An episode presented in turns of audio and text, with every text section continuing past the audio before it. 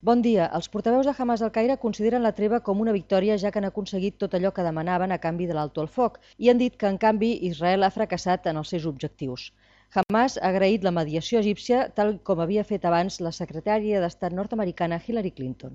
És un moment crític per la regió. El nou govern d'Egipte assumeix la responsabilitat i el lideratge que des de fa temps té aquest país com a puntal de la pau i l'estabilitat de la regió. Des d'Israel també es considera l'acord amb el govern islamista de Hamas una victòria. El ministre de Defensa, Ehud Barak, ha dit que els objectius militars que s'havien fixat també els han aconseguit.